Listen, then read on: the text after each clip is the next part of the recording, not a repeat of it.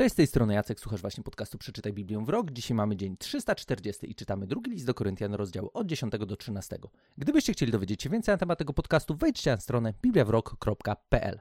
W rozdziałach, którymi Paweł będzie kończył drugi list do Koryntian, odnosi się już on bezpośrednio do grupy ludzi, która wprowadziła niemałe zamieszanie we wspólnocie w Koryncie. I tak jak to w jednym miejscu on ich określi, byli to tacy arcyapostołowie, mistrzowie świata, którzy twierdzili, że Paweł jest do niczego, Paweł nie ma gadane, Paweł jest w ogóle jakimś cieniasem, a oni są tymi, których należy słuchać. I w sumie patrząc na to, jak Paweł odnosi się do tych konkretnych ludzi, którzy pojawili się, zaczęli wprowadzać jakieś zamieszanie w, Koryn w Koryncie, zaczęli podważać nauczanie Pawła, jego osobę, warto, żebyśmy przy tej okazji odpowiedzieli sobie na pytanie, kogo tak w zasadzie powinniśmy słuchać? Bo ten problem, który pojawił się w Koryncie, spowodowany tymi superapostołami, których to Paweł w mniej więcej taki sposób określi w swojej obronie, jest czymś, co może być spokojnie tematem, który dzisiaj nas bardzo wyraźnie dotyczy. Bo co by nie było, w świecie chrześcijańskim jest wiele głosów. I jedna rzecz, na którą nawet zwrócono mi uwagę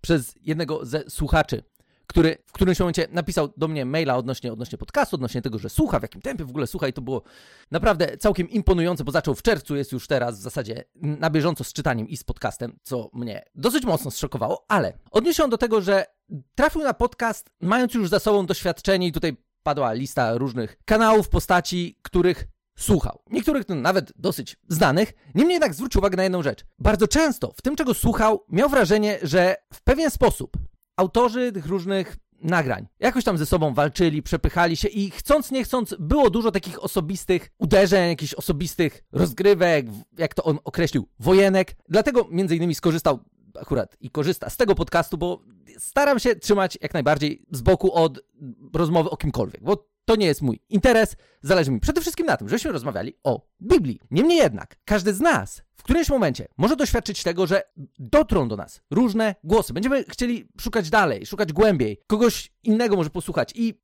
w pewnym momencie bardzo łatwo jest dojść do miejsca, w którym zaczniemy się zastanawiać, mm, no dobra, ale kto tak w zasadzie ma rację? Kogo powinienem słuchać, skoro często gęsto jest tak, że różne głosy które, na które trafimy, będą sobie przeciwstawne, będą wręcz się gdzieś tam przepychać i dyskutować, kto ma bardziej rację, a kto ma tej racji mniej. I patrząc na to, w jaki sposób Paweł będzie się odnosił do tych ludzi, którzy podważali jego autorytet we wspólnocie w Koryncie, możemy wyciągnąć kilka ciekawych wniosków i odkryć kilka lekcji tego, w jaki, Paweł, w jaki sposób właśnie Paweł odniósł się do takiej sytuacji i, i co było wyznacznikiem jego autentyczności, jego roli, tego, kim on w ogóle był. I w dziesiątym rozdziale, kiedy Paweł konkretnie już odnosi się do głosów, które pojawiały się we wspólnocie w Koryncie, mówi, że są ludzie, którzy mówią, że listy wprawdzie groźne i surowe, lecz postura nędzna i mowa do niczego. I znowu mieliśmy, mieliśmy ludzi, którzy w ten sposób, takimi słowy, podważali osobę samego Pawła. Po co miałbyś go słuchać? No przecież patrz, tak tutaj pisze, straszny niby taki, no ale jak przychodzi to co? Ani, ani to postury, gadane też nie ma, a patrz jakimi my jesteśmy wybitnymi mówcami, liderami, tam kim tamkolwiek. Te osoby nie mówiły, że są. I Paweł w tym rozdziale zwraca uwagę na jedną bardzo ważną rzecz. Mianowicie on nie ma w ogóle ochoty się z nimi porównywać. I pisze też o tym, dlaczego. W wersecie 12 i dalej czytamy nie ośmielamy się bowiem zaliczać siebie do tych lub porównywać się z tymi, którzy samych siebie polecają. Oni jednak popełniają błąd, gdyż się mierzą sobą i siebie samych ze sobą porównują. My jednak nie będziemy szczycić się ponad miarę, pozostaniemy przy mierze, której normę ustalił nam Bóg. W jej ramach dotarliśmy do Was. I dalej od wersetu 16 Paweł domyka tę myśl, mówiąc: Mamy mianowicie nadzieję, że będziemy głosić dobrą nowinę w stronach jeszcze dalszych niż Wasze, bez szczycenia się dokonania, dokonaniami mierzonymi cudzą miarą. Bo ten, kto się chlubi, niech się chlubi w Panu. Wypróbowany nie jest ten, kto sam siebie poleca, ale ten, kogo poleca Pan. Pierwszy problem, na który Paweł wyraźnie zwraca uwagę, to jest to, że ekipa, która wam mówi, że jest taka świetna, w zasadzie ona to mówi tylko na podstawie tego, że im się wydaje, że są świetni. Oni swoją wyjątkowość postrzegają w tym, w jaki sposób oni ustalili sobie sami miarę tej wyjątkowości. Nie ma żadnego bożego punktu odniesienia w tym, w jaki sposób te osoby chcą się wyróżnić. Zwyczajnie twierdzą, że są mistrzami, bo tak twierdzą. I tyle. I może faktycznie mają gadane, może faktycznie w jakiś sposób się wyróżniają na tle Pawła, jeśli chodzi o takie cechy, które zwyczajnie są ich miarą, tym, co im wydaje się, że jest ważne. Nie zmienia to jednak tego, że nie jest to miara Boża. I jednocześnie wygląda na to, że znów te postaci, do których Paweł tutaj się odnosi, głosiły przesłanie, które wcale niekoniecznie było tożsame z tym, co wcześniej głosił Paweł, który, jak mam nadzieję pamiętamy, założył wspólnotę w Koryncie. To on był jednym z głównych inicjatorów tego, że ta wspólnota w ogóle powstała, że tam ludzie zaczęli się nawracać, że ludzie zaczęli stawać się uczniami Jezusa. I teraz w kolejnym rozdziale, 11, od czwartego wersetu, czytamy następujące słowa. Bo gdy przychodzi ktoś inny, głosi Jezusa, którego nie głosiliśmy, lub gdy przyjmujecie innego ducha,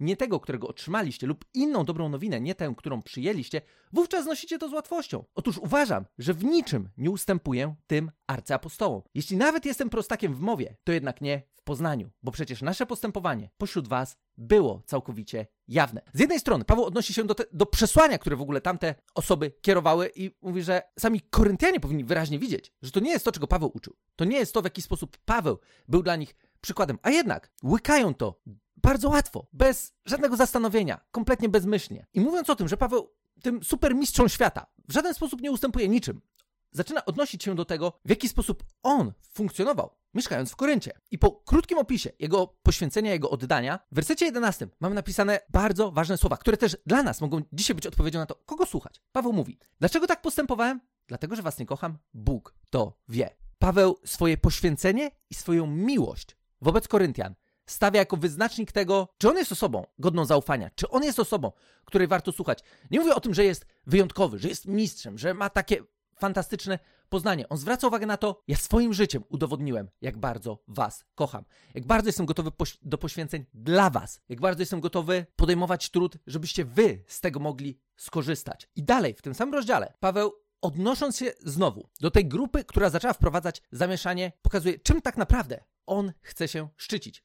Tamci szczycą się samym sobą, pokazują, jacy są wyjątkowi. A Paweł od wersetu 21, 11 rozdziału mówi: Jeśli są tacy odważni, w przypływie szaleństwa to mówią, to ja się ośmielę. Hebrajczykami, Hebrajczykami są. Ja także. Izraelitami. Ja także. Potomstwem Abrahama. Ja także. Sługami Chrystusa są. Jako obłąkany mówię. Tym bardziej ja. Więcej zaznałem trudów, częściej byłem w więzieniach, ponad miarę poddawano mnie chłostom, często bywałem w śmiertelnym niebezpieczeństwie. Od Żydów otrzymałem 5 razy po 40 razów bez jednego. Trzy razy byłem chłostany, raz ukamienowany, trzy razy rozbił się ze mną okręt. Dzień i noc spędziłem na pełnym morzu. Często bywałem w podróżach, w niebezpieczeństwach, na rzekach, w niebezpieczeństwach ze strony zbójców, w niebezpieczeństwach ze strony rodaków, w niebezpieczeństwach ze strony pogan, w niebezpieczeństwach w mieście, w niebezpieczeństwach na pustkowiu, w niebezpieczeństwach na morzu, w niebezpieczeństwach między fałszywymi braćmi, w trudzie i znoju, często w bezsennych nocach, w głodzie i pragnieniu, często w postach, na zimnie i w nagości. Poza tymi sprawami zewnętrznymi pozostaje moja codzienna odpowiedzialność, troska o wszystkie kościoły. Kto słabnie, a mnie nie osłabia, kto wywołuje skandale, a ja przy tym nie płonę. Skoro już muszę się szczycić,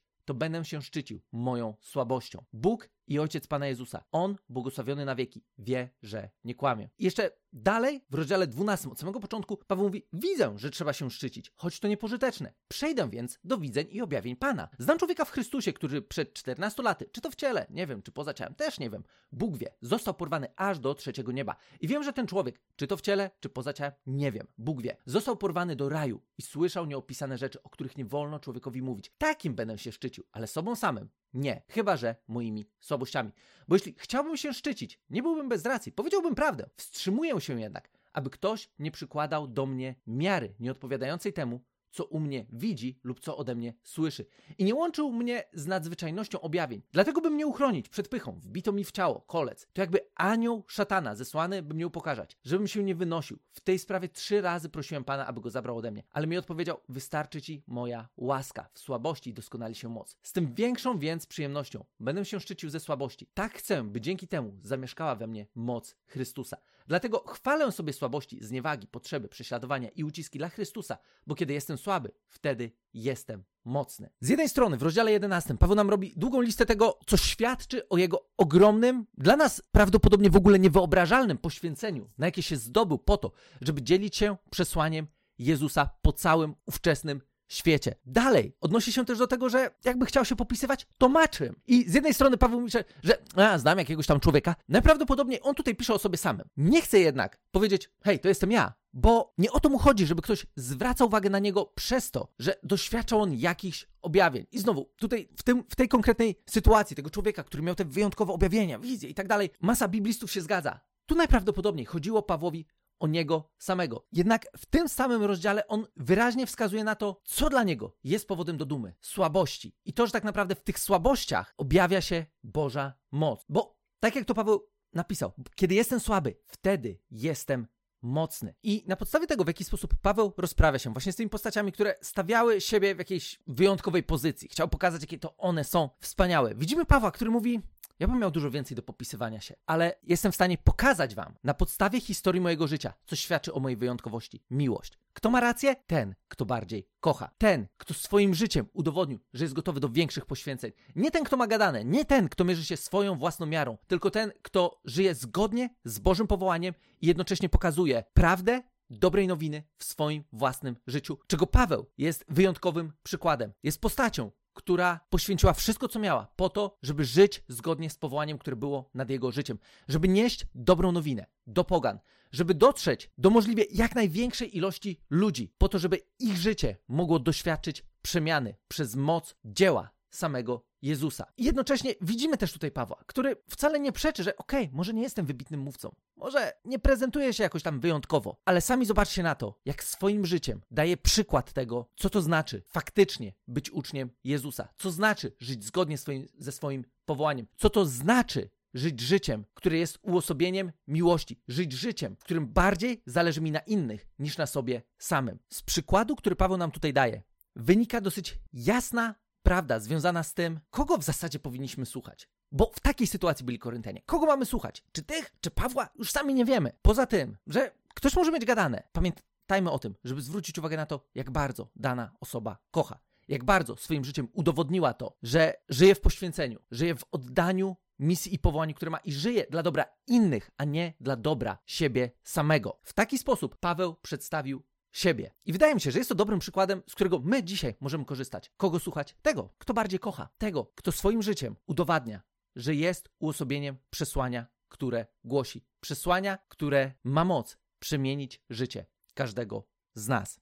Tyle z mojej strony na dzisiaj. Gdybyście mieli jakieś dodatkowe pytania, możecie wejść na stronę bibliawrok.pl bądź możecie do mnie napisać na adres jacekmałpa bibliawrok.pl i do usłyszenia w kolejnym odcinku.